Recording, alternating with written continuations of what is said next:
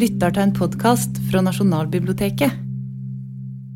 Jeg er, er, altså det er en ære for meg å være her på eh, Nasjonalbiblioteket. Og jeg har jo egentlig ikke vært her før jeg eh, fikk dette ærefulle oppdraget å få lov å være med i denne serien. Og eh, ekstra kjekt selvfølgelig at jeg ble spurt om å holde foredrag om Wilhelm Bjerknes, for han er virkelig en av mine helter. Og jeg har vært inspirert av han helt siden jeg starta å studere meteorologi på Bergenskolen, som han var med og grunnla, altså på Geofysisk institutt i Bergen. Aller først så skal jeg eh, gå gjennom en eh, slags CV til Wilhelm Bjerknes. Jeg må liksom gjennom faktaene. Men så vil jeg komme innom kvinnen bak Wilhelm Bjerknes. Så vil jeg innom eh, Bergenskolen alt det fantastiske arbeidet han gjorde med å bygge ut et observasjonsnett. Og så skal jeg prøve å dra noen eh, Lage dette relevant til i dag. Wilhelm Bjerknes og faren de jobba sammen. Og Wilhelm sitt forhold til faren har preget han gjennom hele sin uh, yrkeskarriere. Det er ganske fascinerende at Wilhelm han var bare eh, 19 år, men en aktiv publiserende forsker. Og de vant priser eh, ved eh, en utstilling på, i Paris. Og, og dette eh, eh tror jeg imponerte eh, Wilhelm. Men det var også et litt sånn komplisert forhold med faren. For faren fikk ikke det store gjennombruddet som han fortjente. Og det var på en måte som om Wilhelm ville gjøre ferdig farens arbeid eh, i hele hans senere karriere. Og så syns jeg dette er veldig spennende. Altså, de delte det vi kaller et mekanistisk verdensbilde og ideen om eteren, som vi i dag eh, egentlig ikke forfekter, men som på den tiden var en, eh, en forklaring på eh, hvordan krefter kan virke på avstand. Og det var det faren til Bjerknes, eller til Wilhelm eh, jobba med. Prøve å beskrive matematisk hvordan krefter virker på, på avstand. Og Er det én bok dere skal lese om Wilhelm Bjerknes, så er det denne boken her. Uh, 'Appropriating the Weather'. Uh, Robert Mark Friedmann. Jeg har lest en del om Bjerknes, uh, men denne tipsa Nasjonalbiblioteket meg om. Jeg, jeg har lånt den av dere, Aslak, og så er jeg veldig lei meg for at uh, den ser jeg har, jeg har, hatt den med meg overalt. Han er litt tung, men han er veldig, veldig god. For den er så solid. Uh, innenfor vitenskaps, eh, det, på det vitenskapsteoretiske. Den er skrevet av en professor i eh, vitenskapshistorie som har bosatt seg her i Oslo. Så han er professor på Universitetet i Oslo.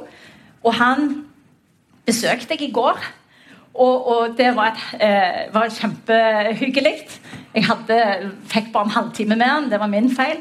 Eh, men det var utrolig gøy å snakke med han. Og han sa at det var eh, kjærligheten til været og det norske eh, altså Bergensskolene Wilhelm Bjerknes har brakt han her til Norge. Han var fascinert av Bjerknes fra han var åtte år gammel. Um, så litt andre fakta. Wilhelm han ble eh, Han fikk doktorgraden sin i eh, 19, nei, 1892. Uh, og før det så hadde han både fulgt forelesningene til Poincaré, men han var en assistent, eller han hadde en hospiteringsperiode hos Henrik Hertz. Og, og, dette arbeidet bygde han på i doktorgraden sin. Og alt dette som han jobba med, det var inspirert eh, fra faren. Eh, og han studerte da eh, tilbake i eh, Oslo eller, eller Kristiania. Eh, elektromagnetiske bølger. Og han og faren bereda grunnen for eh, telegrafi og, og, og telefoni. Og han hadde altså en visjon om å gjøre meteorologien om til eksakt vitenskap. For på dette tidspunktet i historien, og han er jo født inn i den andre eh, industrielle revolusjonen, fantastiske vitenskapelige fremskritt, men akkurat meteorologien det var litt mer sånn pseudovitenskap. Det var, Vi så opp på himmelen, og, og det, det, hadde ikke så veldig status, egentlig. Så hele sitt liv så leita Bjerknes eh, etter en anvendelse av faren sitt arbeid. Og ut av det så kom det vi kaller Bjerknes sirkulasjonsteorem. Altså Sirkulasjon og virvelbevegelser kan oppstå og forsvinne i væsker der tettheten endrer seg. Dette kan du anvende på alle fluider eller væsker, enten det er atmosfæren eller i havet. Eh, så eh, intro, ja, og dette synes jeg dette er spennende. Jeg, vet ikke så mye om det, Carney Institution, men det er jo en anerkjent institusjon. Og Han holdt et banebrytende foredrag der som imponerte amerikanerne. Og han fikk altså midler til å ansette assistenter. To assistenter. I denne boken refereres det hele veien til Car Carnegie-assistentene. Og han hadde assistenter i 35 år. Tenk for fantastiske midler han fikk fra, fra dette instituttet. Eh, og Det er jo en av grunnene til at han kom, klarte å komme så langt. Han, han hadde god hjelp i, i, disse assistentene. Og Wilhelm Bjerknes han var visjonær. Han introduserte diagnose- og prognoseproblemet. Vi kjenner det jo fra legevitenskap. Først må du diagnosere, og så kan du gi en prognose. Det samme anvendte han på atmosfæren. Først må vi vite hva er været nå, hvis vi skal kunne si noe om hvordan været blir. Og så ble han etter hvert professor i geofysikk ved universitetet i Leipzig. Det var et enormt, eh, en veldig anerkjent posisjon. Han skulle bygge opp eh, eh den geofysiske forskningen der, og der jobbet han veldig mye med eh, en kaller aeronautics, om det er helt riktig å oversette det til luftfart. Men altså, luftfart eh, var jo en enorm vekst eh, med både luftballonger og, og, og at en begynte å, å, fly og utvikle, utvikle det. Og der, der trengte en jo være. Og eh, Wilhelm Bjerknes mente også at han kunne få observasjoner fra fly som han kunne bruke sine prognoser. Men så brøt jo første verdenskrig ut, og Bjerknes mista nesten alle han jobba med, de ble kalt ut i krigen. Eh, og han eh, drog tilbake til Bergen. Eller, nei, og da drog han til Bergen. Og da lagde altså Bergen museum oppretta det nye geofysiske instituttet. Og, og, dette ble da kjent som Bergensskolen. Men så dro han tilbake eh, til Oslo eh, og fortsatte som professor i mekanikk og matematisk fysikk på Universitetet i Oslo. Dette er jo imponerende, men jeg skal prøve liksom å gå litt mer eh, bak i, i, materien her. Eh, og som jeg sa til Aslak, altså Nasjonalbiblioteket har jo en viss sånn autoritet i seg. Jeg hadde aldri vært her, jeg lurte på hva det var for noe. Og så ble jeg tatt så godt imot, og veldig kjekt, eh, Elin. Veldig god service. Jeg ble vist eh, Det er spesiallesesalen det heter. sånn. Og der var det så Ja, OK. Og så jeg, måtte jeg vekk med vesker. Eh, og så tok jeg med meg en penn. Nei, den fikk jeg ikke ha.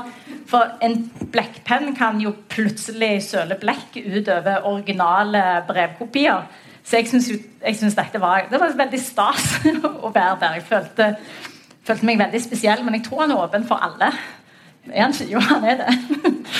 Du må bare være litt spesielt interessert for å ta turen inn der.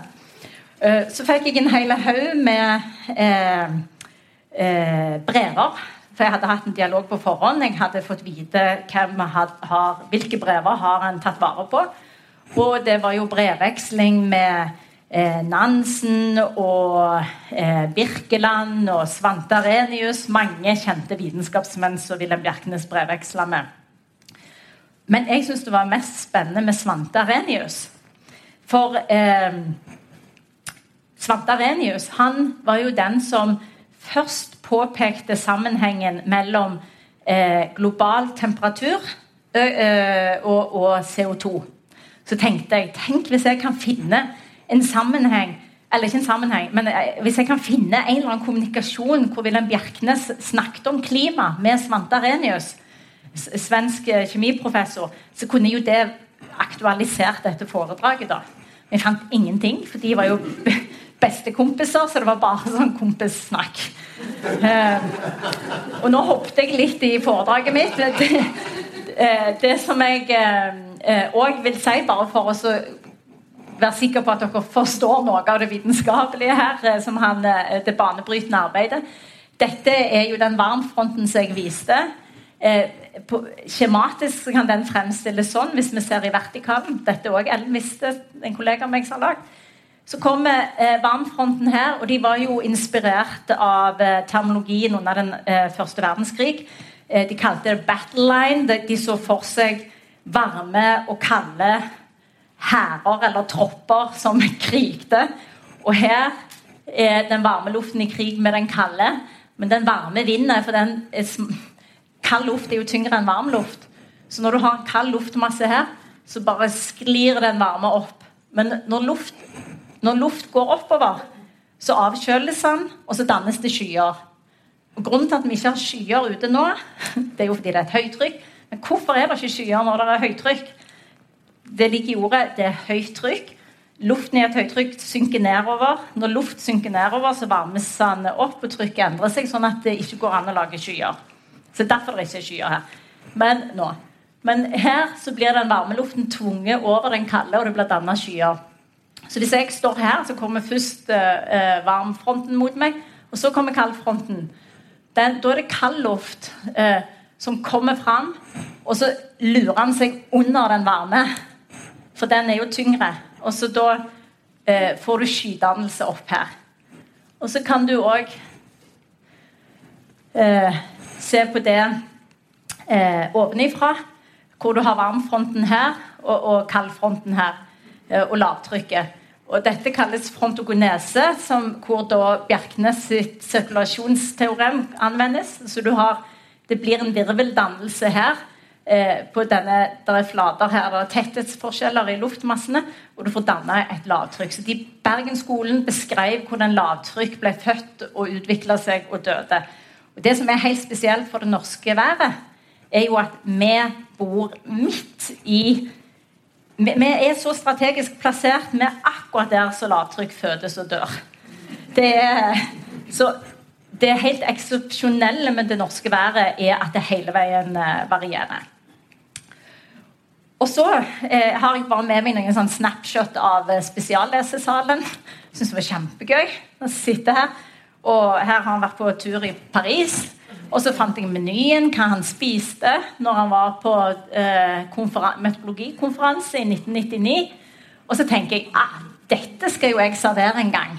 Eh, hvis jeg eh, jubileum i Storm Geo eller, eller, en idé til andre, så vet jeg det var kjempe, iallfall var kjekk å få tak i den vinen de drakk.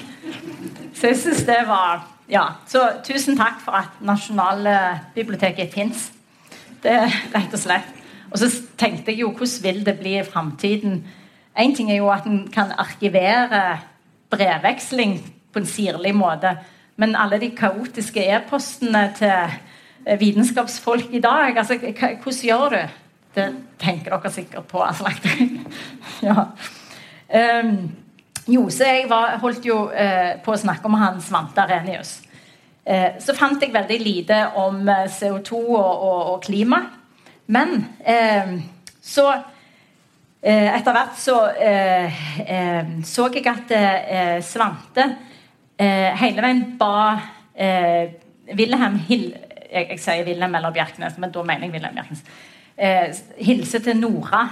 Jeg visste ikke hvem Nora var. Men etter hvert fant jeg ut at han mente Honoria. Eh, som jo da er, er, er konen til Wilhelm Bjerknes. Og Jeg har lest en del om Wilhelm Bjerknes opp gjennom årene, men jeg har eh, aldri hørt om Honoria før. Eh, og jeg ble mer og mer nysgjerrig på henne. Så spurte jeg om eh, eh det fantes noen bilder og om det fantes korrespondanse mellom Honoria og Wilhelm Bjerknes. Og det gjorde det. Og her er Honoria. Eh, som, eh, her ser dere når hun ble født. Eh, omtrent eh, eller to år etter Wilhelm Bjerknes. Eh, en skjønn ung jente her. Og her er et bilde som sikkert er eh, litt tidligere. Og de lagde jo sånne postkort, nei, visittkort før i tiden.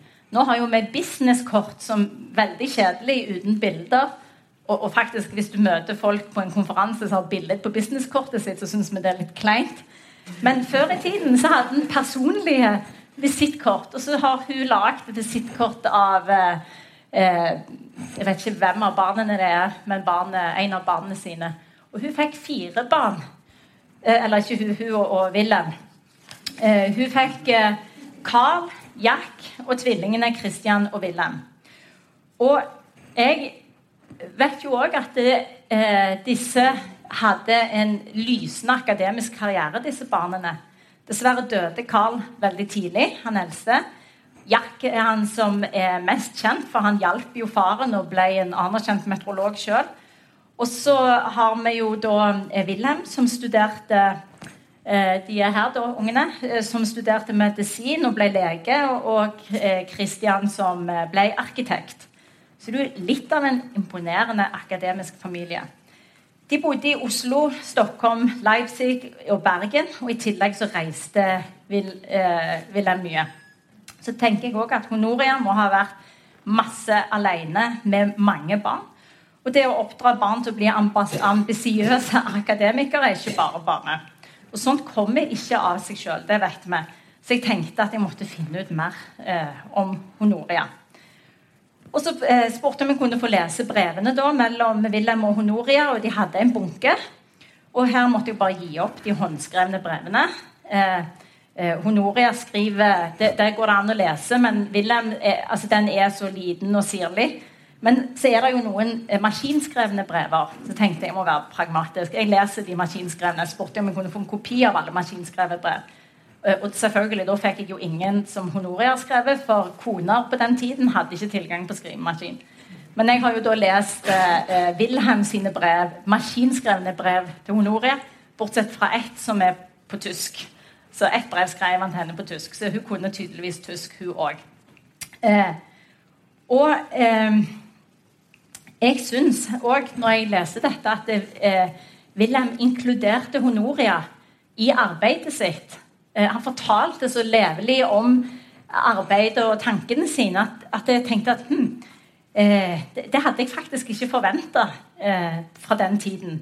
Så kanskje var Honoria òg interessert i vitenskap. Og så Etter litt om og men og tips fra kjente, så fant jeg fram til barnebarnet til eh, Honoria. Og hun har jo arva farmoren sitt navn. Og Hun heter Honoria Bjerknes Hamre og bor i Bergen. Og Jeg slo på tråden til henne og ringte henne og spurte om jeg kunne komme på besøk. Og det fikk jeg. Og For meg så var det et fantastisk møte. Og her er Honoria. Og hun er her i dag òg. Du må reise deg opp, Honoria.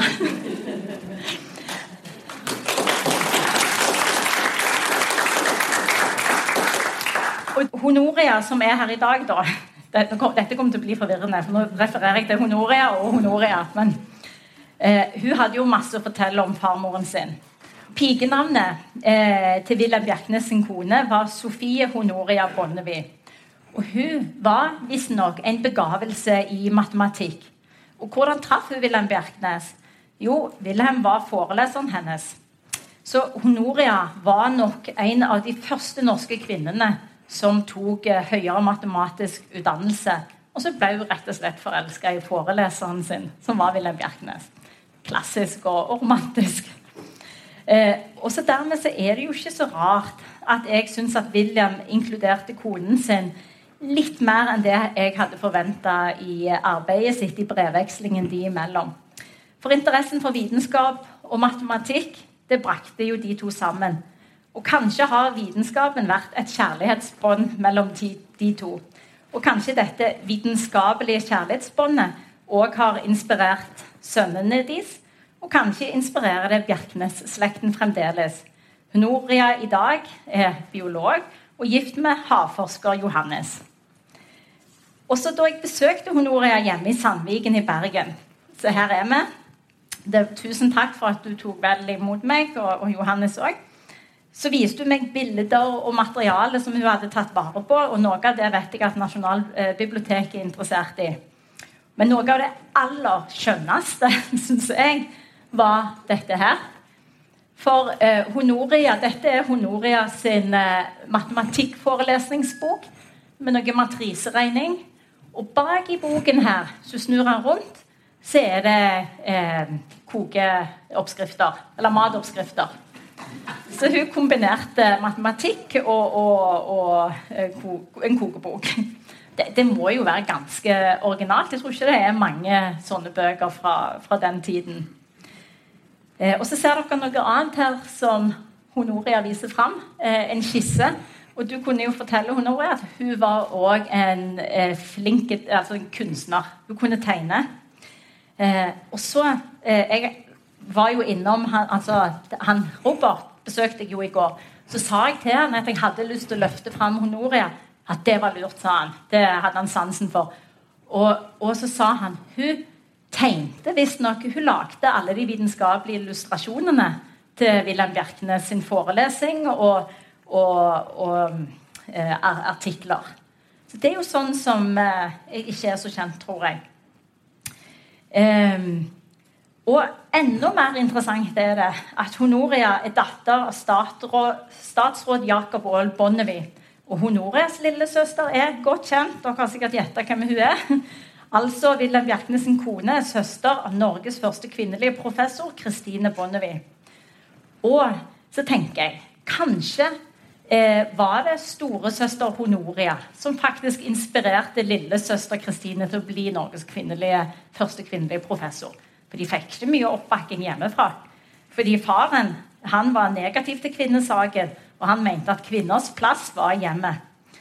Og så På tross av dette så fikk han altså to døtre som starta med vitenskapelige studier, og som på hver sin måte har bidratt til vitenskapens fremme. Kristine som professor og Noria som konen som backa opp Wilhelm Bjerknes. Og hun var flink i matematikk. Hun var illustratør slash kunstner. Hun snakket tysk. Han skrev jo på tysk til henne av og til. Og hun var òg eh, god til å skrive. Og Her er starten på et av brevene som eh, Wilhelm Bjerknes skrev. Så skal jeg avslutte litt eh, Honoria-kapitlet med å lese opp eh, eh hva han skrev. Her er første siden på det brevet. Så skriver han Og dette er skrevet i 1917. Eh, jeg begynner jo å bli sånn langsynt, sånn som mange av dere sikkert. eh, mange takk for dine to brever. Det du skriver, er alltid så hyggelig og alltid en fornøyelse å lese. Fordi det som flyter av den penn, alltid blir små kunstverker, enten du vil det eller ikke. Hva jeg tilstreber med usigelig møye, faller så fullstendig av seg selv for deg. Og så fremfor alt går der gjennom dine brever til meg en eh, stille stemning som alltid virker så underlig varmende om hjertet. Takk skal du ha. Så litt om meg selv, og så begynner han. Det er veldig søtt. Eh, så eh, det at jeg nå løfter fram eh, Wilhelm Bjerknes sin kone, eh, det kan vi òg se i en eh, større Bjerknes-sammenheng. Fordi det virker som, eller jeg tror, at Wilhelm Bjerknes var en fantastisk teamleder.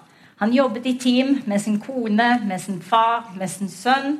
Og han danna altså en forskergruppe som jeg tror var ganske moderne, egentlig. Eh, og Eh, jeg vil sitere noe Jeg har ikke funnet ut akkurat hvor det er, men jeg sjekka med han Robert at han mente òg at uh, dette var et Bjerknes-sitat. For han sa en gang om uh, en student eller en kollega, så sa Wilhelm Bjerknes jeg kunne ikke bruke han. Han hadde ikke mot til å begå dumheter. Dette sa han for over 100 år siden. Kanskje 150, ja, 130 år siden. Og det syns jeg avdekker en ganske moderne holdning og var altså Wilhelm Bjerknes en moderne forskningsleder eh, på sin tid. Det tror jeg. Og jeg tror òg at det var suksessfaktoren til at han klarte å etablere Bergenskolen, som kanskje er enda mer kjent i utlandet enn her i Norge. Og dette er Geofysisk institutt som ble oppretta i 1917. Eh, selve bygningen eh, kom litt seinere.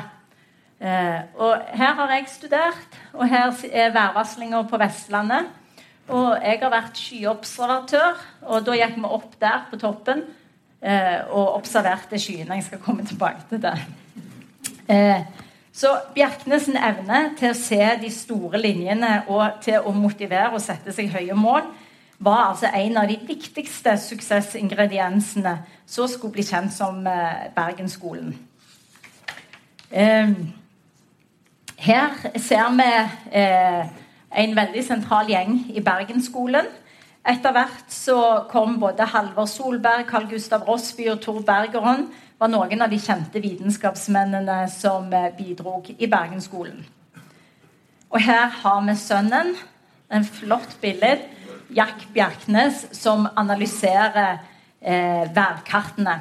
Og det var altså Husk at Visjonen til Wilhelm Bjerknes var å lage eksakt vitenskap ut av meteorologien. Men han lagde, det var ikke bare å sitte og regne. Han lagde altså et helt system. Han forsto at vi måtte bruke, bygge ut observasjonsnettverket, håndtegne eh, eh, disse meteorologiske kartene. Og, og her er eh, Jack i arbeid. Og det Bergensskolen lagde, kan vi kanskje kalle et himmelsk håndverk. Her ser eh, Jack opp i himmelen, og, og, han vet vi ikke hvem er. Eh, jeg vet ikke om de ser på skyene akkurat da, men jeg tenkte at det skulle være overgangen til å snakke litt om observasjoner. For eh, på, altså, når Wilhelm Bjerknes kom hjem fra Leipzig, så var det jo eh, pga. Eh, at det var ja, Moren hans var faktisk veldig bekymra for han. Hun var bekymra for helsen til sønnen sin. Og så brukte hun sin kontakt med Nansen. Wilhelm Bjerkne studerte samtidig som Nansen i, i, grunnskolen. Så klarte Nansen å trekke i trådene, sånn at eh, de klarte å tilby Bjerknes et professorat ved museet i Bergen. Eh, så det er masse spennende forbindelser her. Eh, når, og når han kom hjem, så var det jo eh, handelsblokade. Det var eh, dårlige kår i Norge, og det var helt kritisk å få sikra jordbruksproduksjonen. Så en motivasjon for Bjerknes var å bedre værvarslene for bøndene. Men for å få det til så må du ha bedre observasjoner. For som jeg nevnte, diagnose-prognoseproblemet. En må vite hvordan er situasjonen nå hvis du skal mene noe om eh, framtiden. Eh, og observasjonene var veldig mangelfulle i Norge på den tiden.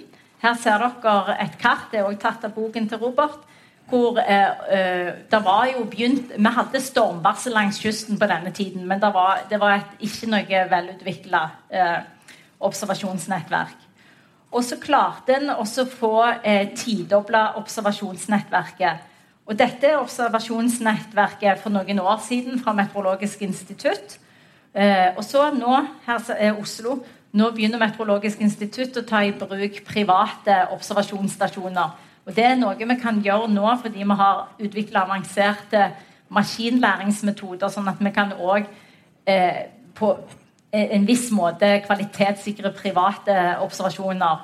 Før så har han ikke turt å innlemme private observasjoner i observasjonsnettverket. Eh, men grunnen til at han klarte å, ø, å øke observasjonsnettverket eh, var fordi han appellerte til statsminister eh, Gunnar Knudsen den gang om å finansiere denne storstilte utbyggingen. En gikk fra eh, ja, jeg tror det var fra 9 til 90 eh, stasjoner. Og Det var jo veldig dyrt, men det kunne bedre jordbruksproduksjonen. Og statsminister Gunnar Knudsen eh, forsto at det var veldig viktig. Eh, og Wilhelm Bjerknes sier at en måtte Eh, altså Det er bare hvis du klarer å avdekke værets ansikt, at du klarer å varsle været. Men en må ha et tett observasjonsnettverk. En må bringe frem rynkene i værets ansikt. Eh, Bjerknes han kjempa for at observasjoner skulle inkludere beskrivelser av eh, skyer i observasjonene. Og han kjempa for god målekvalitet. Og som jeg nevnte, har jeg selv vært skyobservatør på værvarslinga på Vestlandet. Det var en ekstrajobb ved siden av meteorologistudiene. Og det mange av dere kanskje ikke vet, er at hver tredje time rundt i hele verden så går folk synkront ut og ser opp. Og så ser de på himmelen å, fire, nei, fem åttedeler med skyer. Cumulonimbus der. Cirrus her. Så mye nedbør, sånn, sånn var temperaturen. Og så noterer han det ned. Så gikk han tilbake og så ringte han til en stasjon. Jeg jobbet jo der. Jeg ringte ut til plattformen, jeg ringte ut til, eh, til FIB. Og så fikk jeg de til å da sa, det var, Framsa de sine observasjoner, så noterte jeg den ned. Eller alle, ja, på, og vi drev, holdt på med Telex og greier. Dette var jo før Internett. Plutselig føler jeg meg gammel. Dette var i sånn 92 eller noe sånt. Og så ble dette delt på et meteorologisk verdensomspennende nettverk. Så gikk jeg med sånne svære A3-ark, eller enda større, og putta inn i en plottemaskin. Og så plotta observasjoner. Eh, nå ser du ikke det, men det er en sånn egen kode da, for å plotte Det er en sånn egen kode som inneholder alt det jeg sa med skytyper og vindretning og sånn. Og så ble det levert, leverte det inn til meteorologen. Og så tegnte de, håndtegnte de fronter og nedbørsområder. Og på den måten så kunne du se at nå synker trykket eh, eh ute på Utsira. Eh, da vet vi at et lavtrykk er på vei, og Østlandet kan vente sånn og sånn. Så, og sånn holdt den på opp til 2000. Nå tror jeg alt er automatisert. Men dette er takket være Bjerknes. Altså Han lagde nesten en sånn ny geometri av himmelen. Altså Tenk å sette seg det foret og få observasjoner av himmelen. De hadde jo knapt fly, eller de, begynte å utvikle fly den gangen. Og jeg, bare syns det er utrolig fascinerende. Eh, og akkurat dette eh, med eh, å få til observasjoner og få til detaljert værvarsling, det er noe jeg har holdt på med på Universitetet i Stavanger. Det er òg noe jeg, eh, som er mitt eget forskningsfelt. Nemlig å se om vi kan ta meteorologiske En bruker de samme ligningene, men en bruker en litt annen metode. og Det heter Computational Fluid Dynamics, CFD. Så hvis dere hører om CFD, så er det en måte å lage det strømningsanalyse. Men du kan egentlig si at det er et slags værvarsel med 1 cm uh, oppløsning. da.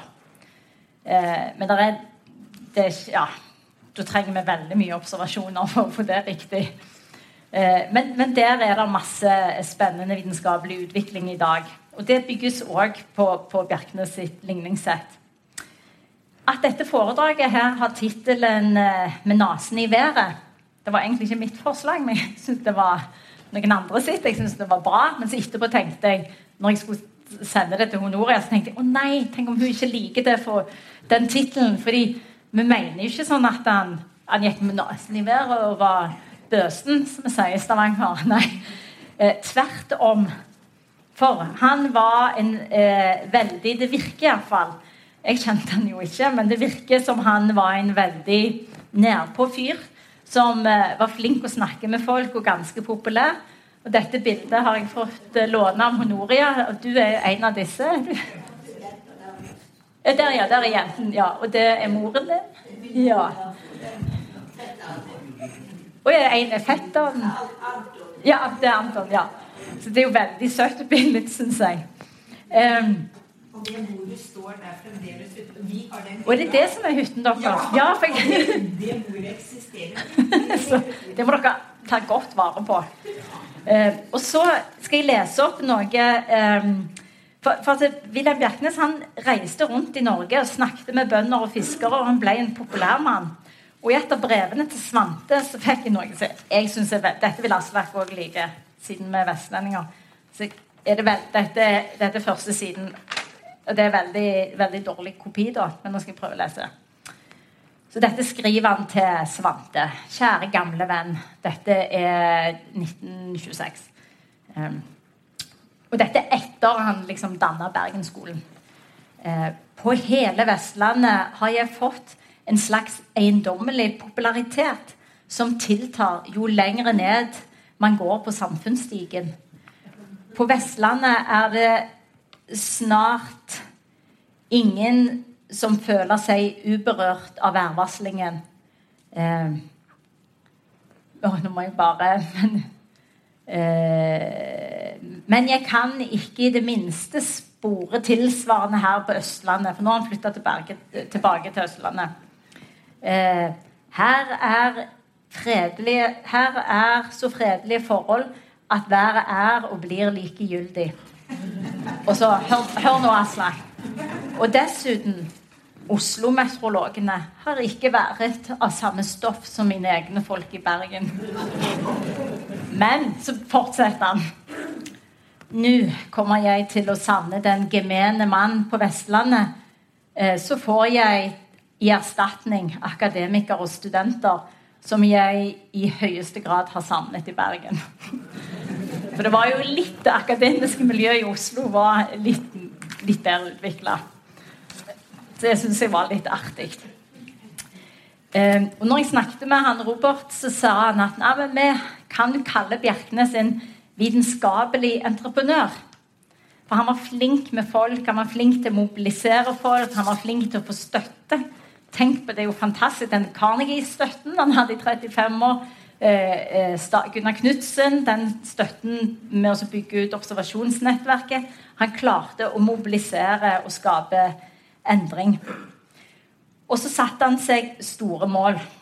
Jeg, eh, dette er en av eh, Bjerknes sine obs, eh, publikasjoner. Og den heter eh, Den var i The Monthly Weather Review fra 1914. Og så heter, er overskriften 'Metrology as an exact science'. Og så er veldig mye av kritikken eh, til arbeidet til Wilhelm Bjerknes gikk på at det var helt umulig å få til en praktisk værvarsling fordi eh, her, Dette skriver Bjerknes. Han refererer kritikken mot han. It will take the learned gentleman perhaps three months to calculate the weather that nature will bring about in three hours. Og Det har jo vært problemet med eh, værvarsling. At vi visste, eller de visste ligningssettene. De regnet for hånd, men det var helt umulig å bli ferdig før været var passert. Eh, og faktisk, CFD-beregningene som jeg nevnte, det er kritikken mot CFD-beregningene i dag, er at det er altfor krevende regnemessig, og det vil aldri bli nyttig. Men så ble jeg så inspirert når jeg nå jobbet og forberedte meg til dette foredraget, at Bjerknes i denne artikkelen her For den skal jeg, de kritikerne som holder på med, som kritiserer CFD, så skal jeg referere til Wilhelm Bjerknes. Men måten han svarer på dette Da har jeg valgt å bare gjøre sånn. Jeg, det må liksom være på engelsk. Jeg prøvde å oversette det, men jeg syns det er sånn deilig engelsk språk. Så svarer han da Ja, så sier han at han, Nei, ikke, ikke les den nå. Så svarer han på det Så svarer han at jeg er lykkelig bare om det så går tre år, men hvis det været vi regnet oss fram til, var det riktige været, da er jeg lykkelig. Da har jeg eh, hatt suksess, sa han. Fordi han visste at en gang i framtiden så ville en klare å regne fortere enn det de klarte. Så han var jo enormt forutseende. Han la grunnlaget altså Uten disse supercomputerne som vi bruker nå i, i meteorologien, Eh, så hadde vi jo aldri klart å, å, å ha en operativ værvarsling. Dette forutså Bjerknes. Det, det, er utrolig framsynt. Eh, og så, så svarer, skriver han om det i artikkelen sin, og så sier han helt til slutt It may require many years to bore a tunnel through a mountain. Uh, many a labor may not live to see the cut finished. Nevertheless, this will not prevent late comers from riding through the tunnel at express train speed. Og det er veldig fint, syns jeg. Uh, så han satte seg store mål, og det er jo en inspirasjon til oss alle. Og så tenker jeg i dag store mål i dag. For meg er iallfall et stort mål å begrense klimaendringene. Og her hadde vi et historisk gjennombrudd i Paris i 2015 hvor verden har satt seg et kjempestort mål. Nemlig å holde global eh, temperatur til mindre enn to grader over gjennomsnittsnivå. Det krever at vi ser langt fram, og jeg tenker at dette skal vi få til. Og, og derfor nå, Dette er faktisk annen siste dagen min på jobb på Universitetet i Stavanger. Jeg begynner jo i statens eh, eh, fornybarfond og skal jobbe med eh, investeringer som bidrar til eh, klimagassreduksjoner. Så nå skal jeg gå inn litt mer fra meteorologi til finans. Men dette henger sammen. Det er en rød tråd her. Fordi eh, å løse klimakrisen krever jo at vi endrer på hele energimiksen vår. Vi må øve på fornybar energi.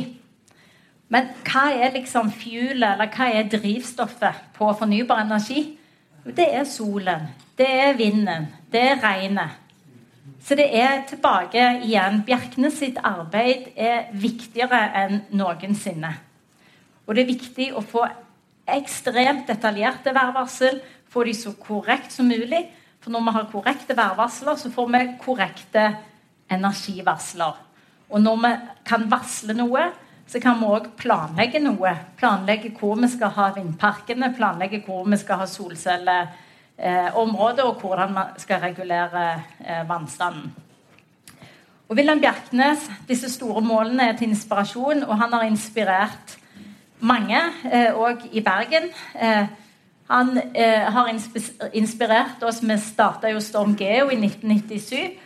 Og, og, vi var en utfordrer i meteorologien og har lagd eh, nå et eh, stort internasjonalt værselskap.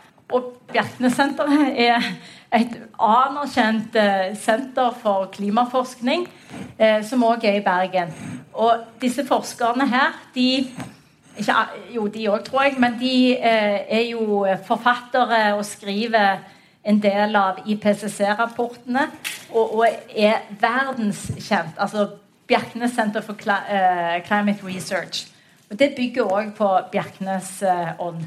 Så Norge har absolutt noe å være stolt av både innenfor meteorologi og klima. Så da tror jeg jeg runder av. Og så har jeg valgt å ta med et bilde eh, fra Lars Hertervig, som levde omtrent på samme tiden. Eh, Lars Hertervig ble jo ikke så veldig kjent i sin samtid, så jeg vet ikke om, om Wilhelm Bjerknes visste om Lars Hertervig sine bilder. Men i alle fall så så òg Lars Hertervig opp. Han har altså en hel haug med fantastiske skybilder. Eh, og dette liker jeg spesielt godt. Her kan vi se cumulusskyer, noen cirrusskyer, og han har fått med seg toget òg. Som bare er en sky på bakken. Så da lar jeg dette henge her, og så avslutter med mitt favoritt-Bjerknes-sitat. Og det er sjømenn styrer etter stjernene, ikke for å nå dem, men for å holde en stø kurs. Glem ikke stjernene. Ja. Så det